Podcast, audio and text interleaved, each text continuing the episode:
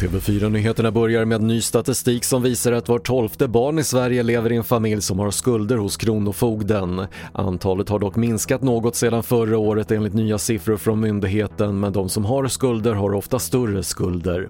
De som har små marginaler i ekonomin och har skulder hos oss, de får allt större skuldbelopp. Sen kan det också vara föräldrar som har blivit av med sina jobb och fått ställa om ekonomin väldigt snabbt. Och där har skuldbördan också ökat väldigt snabbt. Det sa Tina Häggmark på Kronofogden. Efter att Nyamko Sabuni gjort klart att Liberalerna kommer att stödja ett borgerligt regeringsalternativ har Liberalernas fem tjänstemän på regeringskansliet fått lämna sina poster, rapporterar SR. Deras uppgift har varit att följa upp regeringens genomförande av de 73 punkterna i januariavtalet.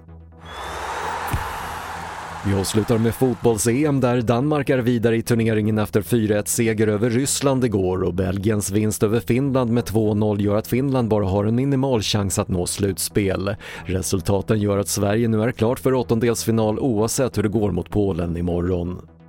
Det var det senaste från TV4 Nyheterna. Jag heter Patrik Lindström.